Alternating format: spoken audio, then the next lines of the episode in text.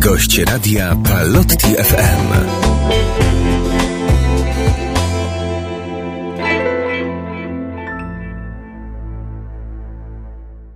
Dzień dobry i dobry wieczór wszystkim naszym, naszym słuchaczom. Ja jestem Kacper Mojsa, a naszym gościem dzisiaj w audycji Gość Radia Palotti FM jest profesor Aleksander Bańka, doktor habilitowany filozofii i politolog oraz świecki delegat Kościoła w Polsce na synod biskupów dotyczący synodalności. Witam serdecznie. E, witam serdecznie, szczęść Boże. E, no właśnie, ten synod o synodalności rozpoczął się z tego, co pamiętam, w 2021 roku już. Ostatnio, w zeszłym roku, w październiku, był pan, tak jak już powiedziałem przed chwilą, przedstawiając pana świeckim delegatem Kościoła w, na, e, w Polsce na synod biskupów. I chciałbym zapytać, na jakim w ogóle obecnie etapie jest owy synod?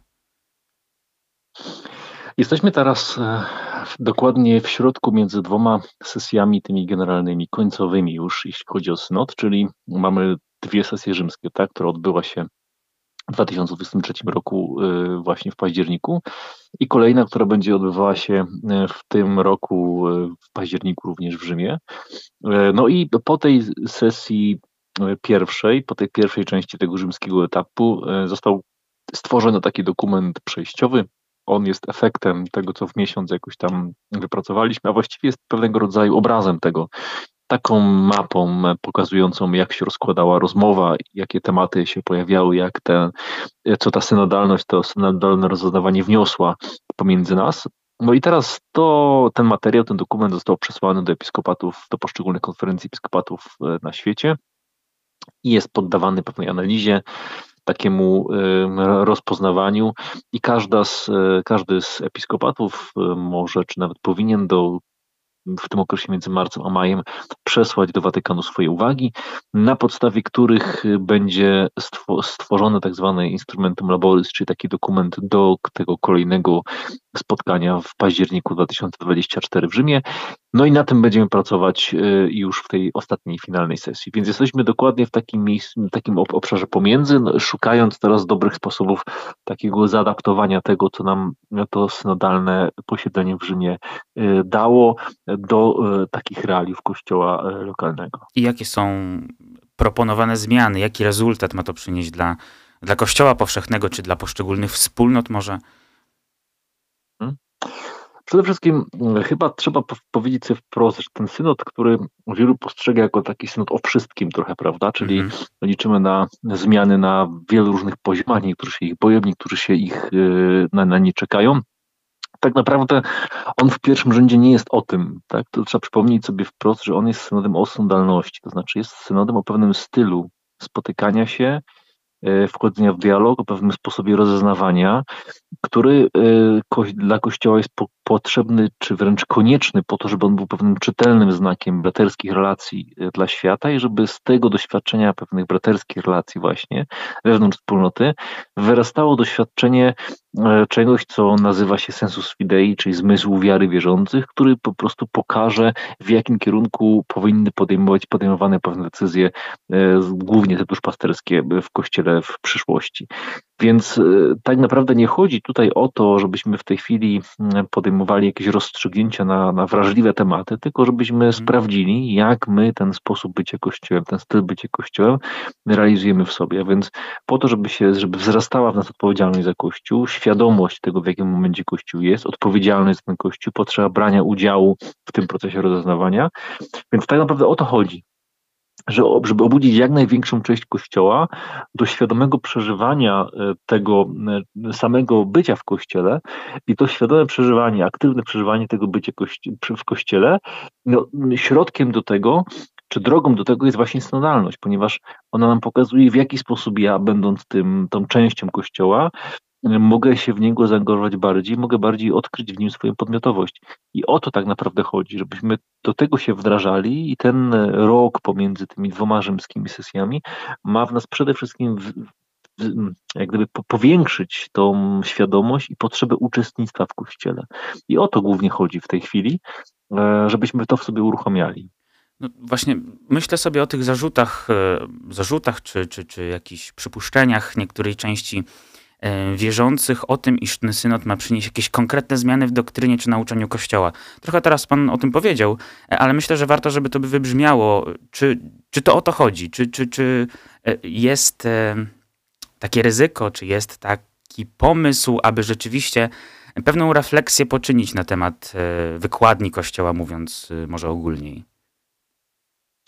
E, to nie jest e, główny priorytet ani sprawa synodu. Oczywiście, jeśli jakieś e, zmiany doktrynalne miały być w Kościele podjęte, oczywiście mówimy tutaj o zmianach doktrynalnych w takim sensie uproszczonym mocno, dlatego że pamiętajmy, że w doktrynie Kościoła są te rzeczy, które są niezmienne, są takie kamienie węgielne, twarde, prawda, takie, to właśnie są dogmaty i takie, można powiedzieć, ciało twarde, około dogmatyczne, pewna wykładnia, która jest trwała, stała i niezmienna.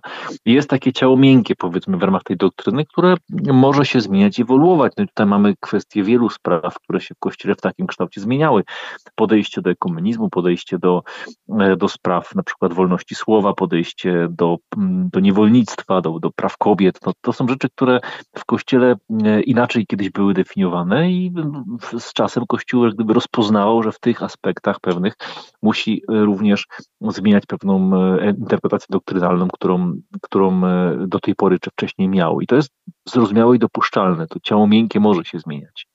Natomiast to, jeśli coś z tego, powiedzmy, doktrynalnego ciała miękkiego miałaby się dalej zmieniać w Kościele, to to nie jest sprawa istotna czy kluczowa dla synodu. To, to nie synod ma się tym zajmować, prawda?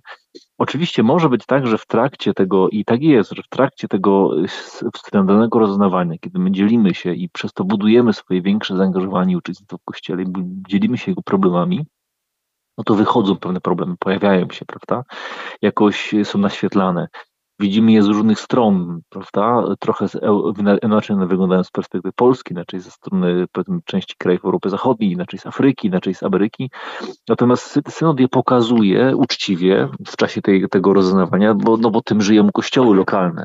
Ale to, że synod je pokazuje i że one nam jakoś wybrzmiewają, że o nich rozmawiamy, to nie ma jeszcze żadnego przełożenia na decyzję, dlatego że ten synod o niczym nie decyduje, nic nie przesądza, on nie ma nawet takiej władzy, prawda? To znaczy, my możemy coś Ojcu Świętemu zaproponować jako efekt tego naszego rozeznawania, czyli my skupiamy się na tym, żeby się spotkać, podzielić swoim doświadczeniem Kościoła i to jest, jak gdyby sprawdzić, jak działa nasza synodalność, przy okazji z tej dyskusji wynikają różne kwestie, które jednocześnie naświetlają pewne kierunki tego, jak nie tylko być bardziej tym kościołem synodalnym, bardziej w relacjach, ale też jakie problemy, trudności nam w tym przeszkadzają, czy stoją na drodze, prawda? I to jest, my to jakoś przedstawimy, czy nazwiemy Ojcu Świętemu, nie? Ale co papież z tym zrobi? No może zrobić kilka rzeczy. Może e, to w całości uwzględnić jeden do jeden, może to wziąć, wyrzucić do kosza, za przeproszeniem, tak mówiąc mhm. wprost, i napisać zupełnie coś innego, myślę o adhortacji postnodalnej. Może nic nie napisać, prawda? Może pewne rzeczy zmodyfikować, więc to tak naprawdę od papieża zależy, w jakim kierunku chce e, te refleksje synodalne podjąć. Dlaczego on je, dlaczego to jest uruchomił? No bo widocznie potrzebuje e, sprawdzić, bądź potrzebuje rady w pewnych kwestiach. Pamiętajmy, że synod po to się zbiera, żeby nie tylko y, dać y, być wyrazem jedności z papieżem, nie tylko modlić się wspólnie, także doradzać Ojcu Świętemu w pewnych sprawach dla niego istotnych. Pewne takie ciało istotna, tak, dokładnie. Jaka jest rola istotna w tej, znaczy jaka jest kwestia istotna dla papieża? No sprawdzenie naszej synodalności. To jest dla niego istotne. Znaczy sprawdzenie pewnego stylu relacji, to takiego, takie sprawdzenie, które nam jednocześnie pozwoli doświadczyć i nauczyć się tego, jak być takim właśnie kościołem. Mhm. Więc, więc nie, nie, nie skupiajmy się na kwestiach y, reformy doktrynalnej, bo to naprawdę nie jest najistotniejsze y, w synodzie, w ogóle nie jest y, istotą synodu, a jeśli się okaże, że jakieś zmiany doktrynalne w tym miękkim ciele, że tak powiem, się w kościele na, w najbliższych nie wiem, dziesięcioleciach szykują, no to, to nie jest w tym momencie efekt czy, czy rola, czy zadanie tego synodu, żeby do tego dążyć. Mhm. Do samej synodalności, do tego pojęcia jeszcze będę chciał zaraz wrócić, natomiast jeszcze o tym samym synodzie, on miał różne etapy. Ja sam osobiście brałem udział w tym etapie mm, pierwszym, czy, czy jednym z pierwszych na terenie parafii. Mm, tam e, myślę, że to było bardzo ciekawe doświadczenie chociażby mm, takiej rozmowy zupełnie pewnego innego modelu myślenia o wspólnocie parafialnej jako o czymś wspólnym, mhm. a nie jedynie pewnym miejscu dystrybucji usług religijnych, że tak powiem. I też chciałbym zapytać, czy na ostatnim e, synodzie biskupów również o tym była mowa, o tych najmniejszych komórkach w kościele. Czy tam może coś się mogłoby zadziać? Czy warto, żeby się zadziało, aby wierni, no mówiąc wprost, też bardziej brali udział w procesach decyzyjnych, tak powiem oficjalnie może? Tak naprawdę o to chodzi. To znaczy, cały sąd poświęcony jest temu, żeby uruchomić w nas, w wierzących, pewną świadomość tego, że współtworzymy, współodpowiadamy za Kościół. E, a więc, żeby e, wyjść trochę z tego e, niestety sztucznego, nadmiarowego podziału na świeckich duchownych. Sztucznego mhm. mówię nie w tym sensie, że ten podział ma nie istnieć, bo on jest ważny, ale chodzi o to, żeby to nie był podział właśnie i żeby to nie było kluczowe takie E, rozpoznanie, nie wiem, e, taki kluczowy punkt w kościele, do którego się odwołujemy. Potem kluczowym punktem ma być chrzest dla nas i to wszystko, co z niego wynika. Natomiast e, stan duchowny czy świecki jest pewną konsekwencją, jest pewnym efektem stylu życia w kościele, co nie znaczy, że ten duchowny jest lepszy niż ten świecki, czy świecki lepszy niż duchowny. Nam się to zazwyczaj tak kojarzyło, że, że ci, którzy są duchownymi, to są w pełni w kościele, a świeccy tak powiedzmy trochę, prawda? Mhm. E, już pomijam fakt, że proporcjonalnie to jest zupełnie zaburzona e, hierarchia, no bo duchowieństwa jest zdecydowanie mniej, no to y, po drugie w ogóle można powiedzieć to myślenie jest, jest bez sensu, nie? Najzwyczajniej, bo ono nam ten kościół, y, to jakbyśmy wyciągnęli z ciała szkielet, powiedzieli, że to jest ciało, prawda, czy to jest człowiek. No, no nie, szkielet jest ważny, ale dopiero wtedy, kiedy jest obudowany mm, całym systemem mięśni, ścięgnów, ścięgien, prawda?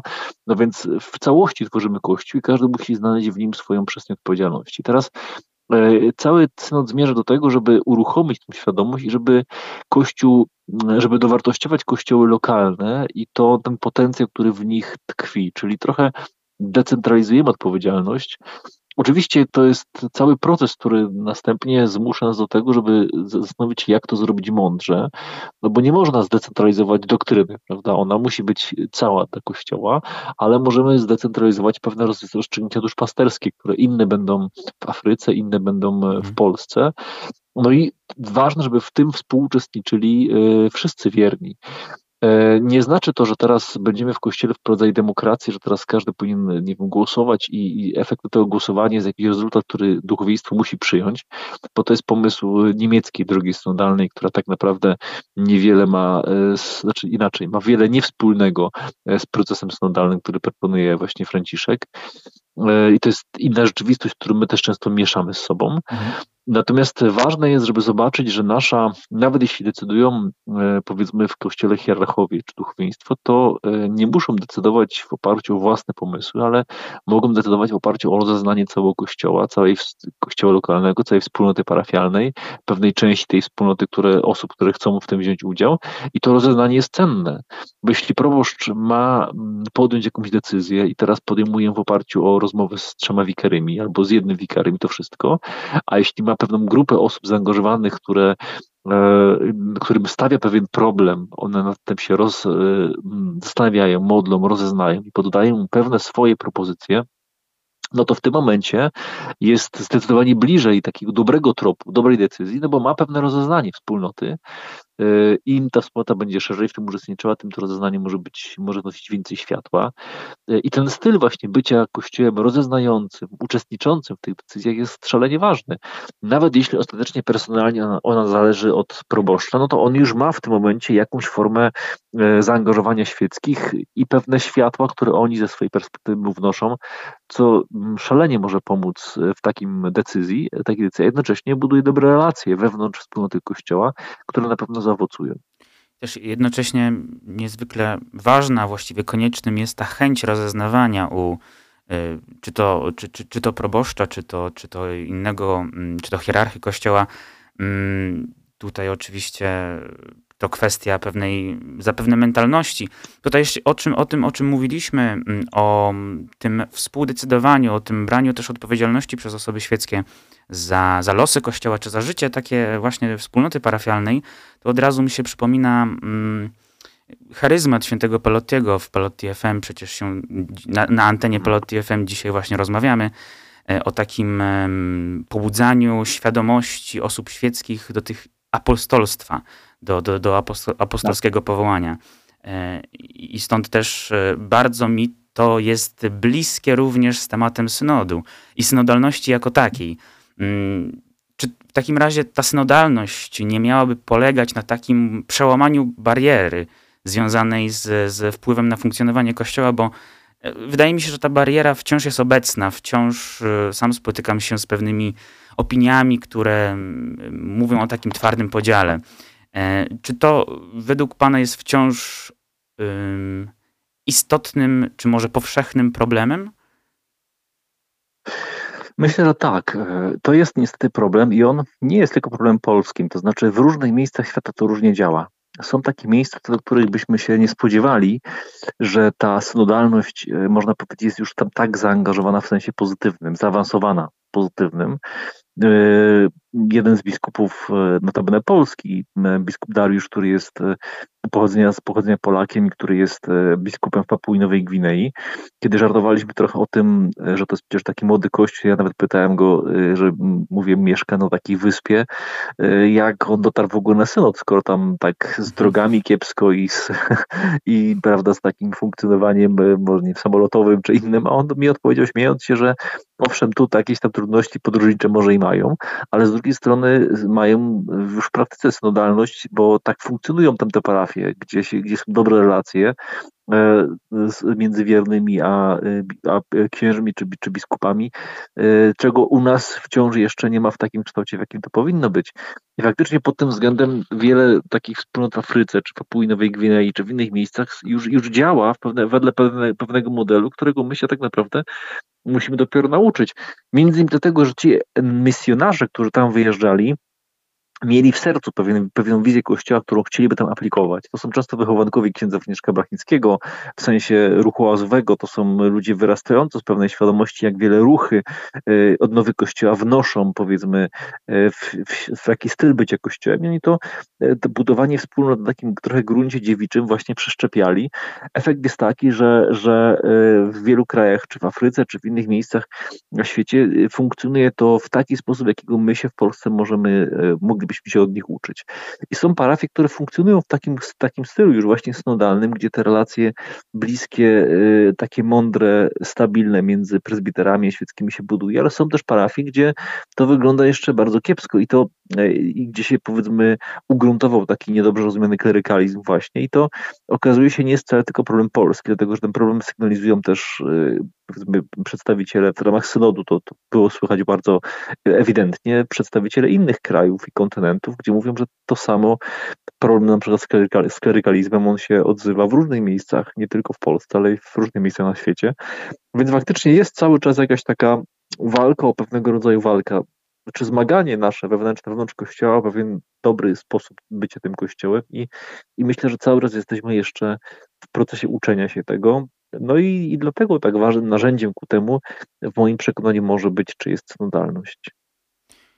No właśnie, trudno podążać wspólnie jedną drogą, kiedy, mm, kiedy nie wszyscy z jej uczestników, powiedzmy, mają ważne prawo głosu, czy równo ważne w niektórych przypadkach. Myślę tu pewnie o bardziej poziomie parafialnym. E, ale czym w takim razie się synodalność różni? Mm, trochę o tym było, ale to też sobie tak podsumujmy może. Od współdecydowania właściwie od demokracji w Kościele? Czym, czym to się różni de facto? Otóż demokracja ma taki, taką właściwość, że kiedy jest jakiś problem, to tak naprawdę wokół tego problemu, czy wokół kwestii my nie rozeznajemy, tylko dyskutujemy. Debatujemy, budujemy jakieś swoje koalicje na rzecz większej ilości głosów, które chcemy uzyskać. Tak?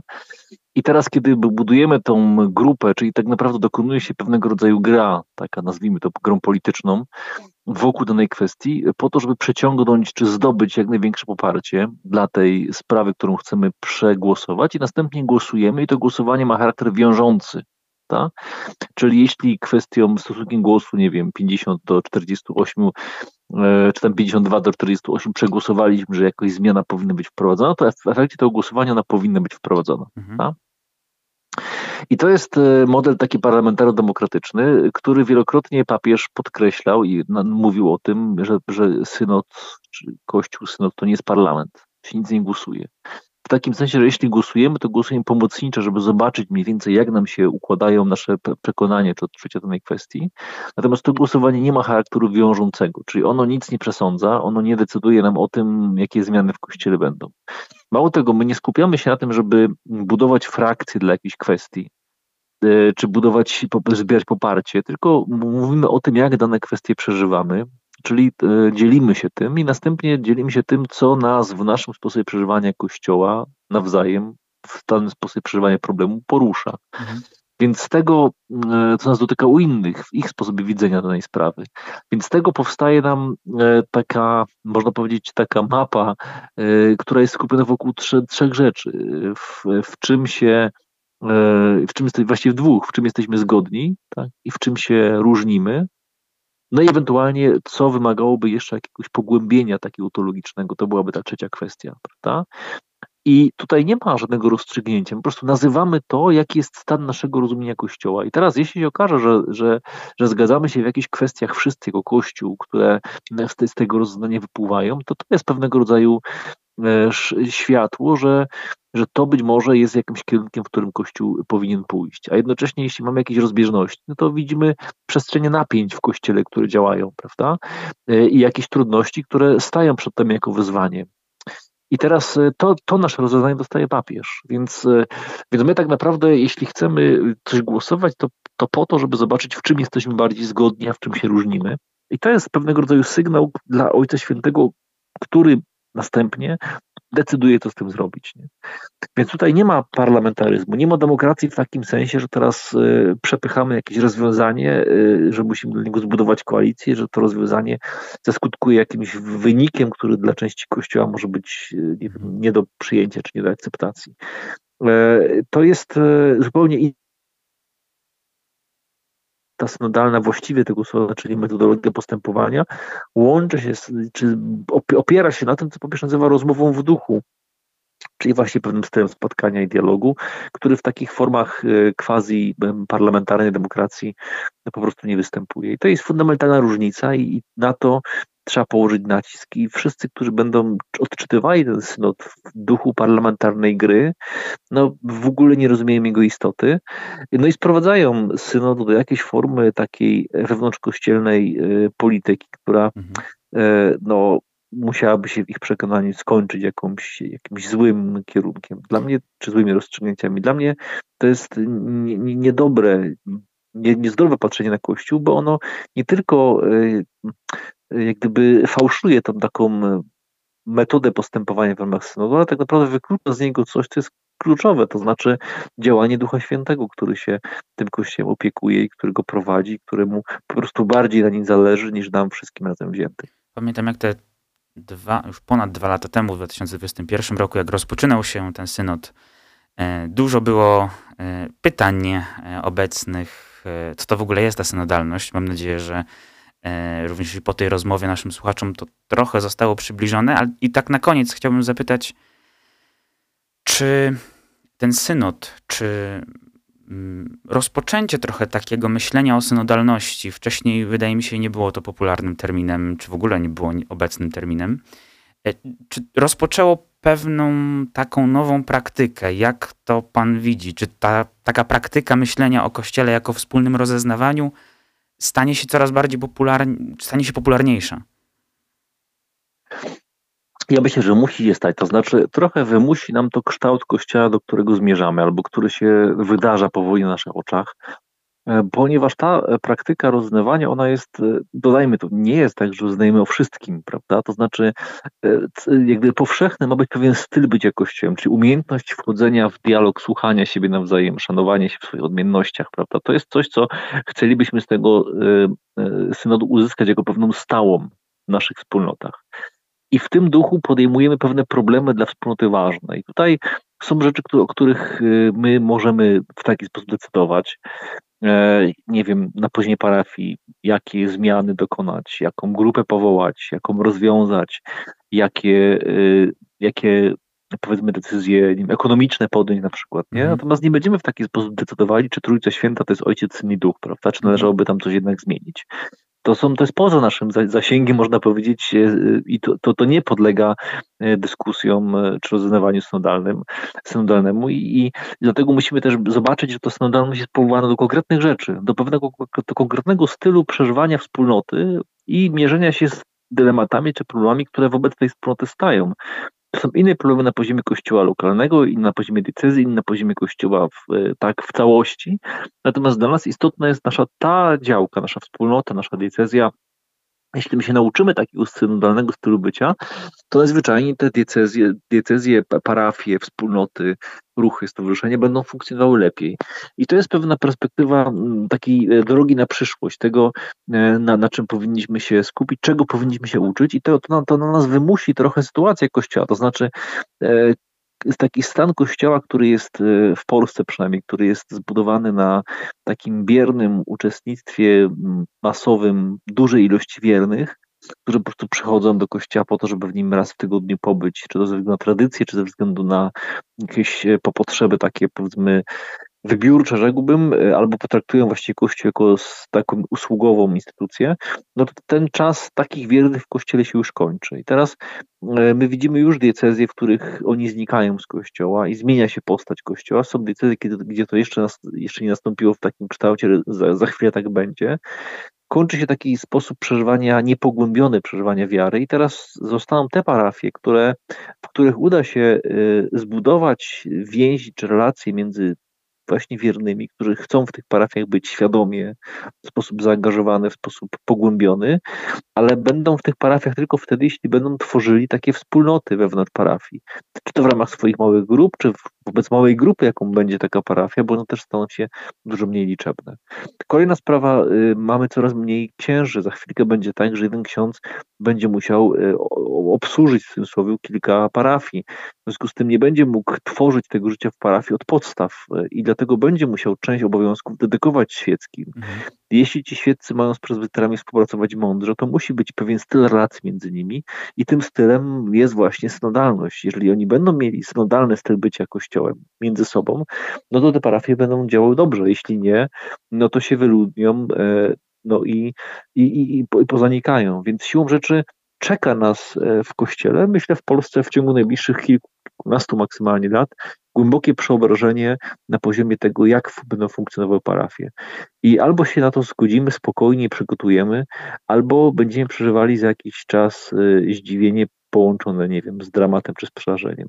No niepotrzebnie. Wystarczy mhm. zobaczyć, że po prostu najzwyczajniej mamy teraz taki czas, kiedy kiedy, kiedy Pan Bóg prowadzi nas trochę przez pewne oczyszczenie do pewnego nowego stylu bycia. Ja to rozpoznaję jako, jako działanie, jako propozycję Ducha Świętego dla nas, żebyśmy nauczyli się być e, bardziej eklezjalni, w takim duchu najzwyczajniej e, samych źródeł Kościoła, czyli biblijnych i patrystycznych, no bo tak funkcjonowały po prostu pierwsze wspólnoty i, i trochę czas tych pierwszych wspólnot dzisiaj nam wraca. Synod o synodalności mm, jako będzie miał swój etap końcowy, natomiast synodalność niech wejdzie nam do krwi.